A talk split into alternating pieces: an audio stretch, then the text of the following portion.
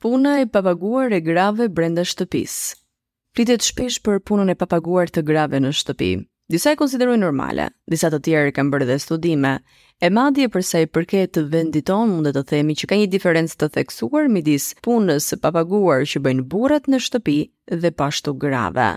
Një studim i publikuar në Public Health ka pyetur më shumë se 35.000 persona të rritur mbi moshën 65 vjeç, se sa shumë ata bëjnë punë të shtëpisë çdo ditë. Në përgjithësi, gratë shpenzojnë rreth 5 orë në ditë duke bërë punë të tilla, krahasuar me burrat, të cilët i shpenzojnë vetëm pothuajse 3 orë në punë shtëpie. Gratë shpenzojnë më shumë se 3.5 orë në ditë duke pastruar, duke gatuar, duke bërë pazare, ndërsa burrat nga ana tjetër i shpenzojnë kryesisht për gjëra të cilat kanë të bëjnë me kujdesin e tyre, por edhe nëse merren ndoshta me punët e shtëpisë, nuk e kalojnë një orë të tillë. Por burrat shpenzojnë më shumë se një orë më tepër te punimet në kopësht, mirëmbajtje. Nëse flasim për Shqipërinë, një raport i fundit i Organizatës Ndërkombëtare të Punës thekson se gratë shqiptare kryejnë treqind e katërmbëdhjetë minuta në ditë punë të papaguar, nga të cilat dyqind e shtatëdhjetë minuta janë punë shtëpiake. Kjo bën që shqiptarët të jenë në vend të pestë në botë përsa i përket punëve të papaguar. Dyqind e shtatëdhjetë minuta dedikohen vetëm për punët e shtëpisë, të cilat përkthehen në plot katër orë e gjysmë në ditë. Burrat shpenzojnë më pak se një orë në ditë për punën e papaguar dhe diku i bie në dyzet e pesë minuta në ditë.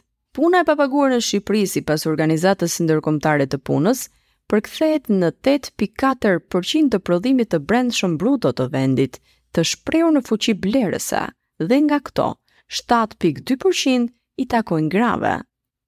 Gjithsesi, kjo është ndër përqindjet më të ulëta në nivel global. A ka arsyet përse është kjo lloj ndarje midis burrave dhe grave dhe punët e shtëpisë? Sigurisht që stereotipet mbeten ende në dominim. Stereotipi tregon se gratë janë ato që duhet të bëjnë punët e shtëpisë. Vajzat që në moshë fare të hershme, ndoshta që në moshën 12-13 vjeç, mësohen të bëjnë punët e shtëpisë, të cilat mund të nisin që në larjen, në fshirjen e pluhurave, në sistemime, në gatim, në larjen e enëve, dhe atyre iu tregohet se gratë kanë lindur pikërisht për këtë. Nga ana tjetër, djemve nuk iu mësohet ky proces në shumicën e rasteve. Djemve iu tregohet se ata do të jenë burra dhe roli i tyre është të kontribuojnë duke sjellë para. Gjërat kanë ndryshuar, tregu i punës ka ndryshuar, gratë dhe burrat po ashtu të dy punojnë mesatarisht tetë orë në ditë, por ama kur kthehen në shtëpi, gratë vazhdojnë të punojnë, ndërsa burrat jo.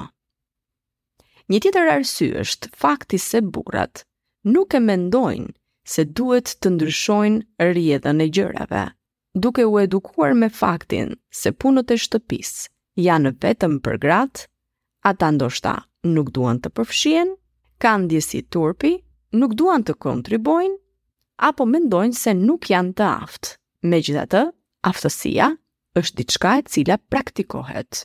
Por mendohet se ndër të tjera, burrat kanë nevojë për një shtysë. Nëse iu mungon iniciativa, ata kanë nevojë për shumë kohë për të mësuar. por këtë sërish duhet ta bëjnë gratë e tyre. Pra nëse prindërit nuk i kanë mësuar djemtë të marrin iniciativa të tilla në lidhje me punën e papaguar, që do të thotë punët e shtëpisë, atëherë gruaja është ajo e cila duhet të marrë këtë formë edukimi për burrin e tyre. Pavarësisht se duken të bezdisshme dhe kohë të kaluara në lodhje e sipër, sipas një studimi të kryer nga Universiteti Cambridge, është konstatuar se burrat që merren me punë shtëpie, pra që kryejnë punë të papaguar, ndihen më të lumtur.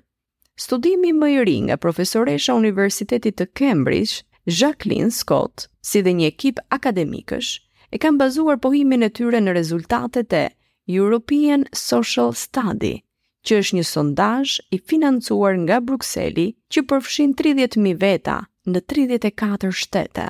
Ata janë pyetur se sa kohë kalojnë për larje, pastrime, për blerje, mirëmbajtje shtëpie.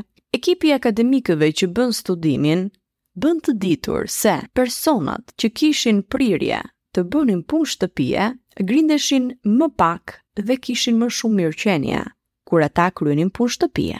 Bashkëshortët ndiheshin fajtorë kur nuk kryenin punë shtëpie, tregon studimi. Në studim përmendet po ashtu se si burrat dhe gratë kanë më shumë harmoni midis njëri-tjetrit kur i ndajnë punët e shtëpisë sipas kohës që ata kanë dhe mundësisë së gjithsecilit.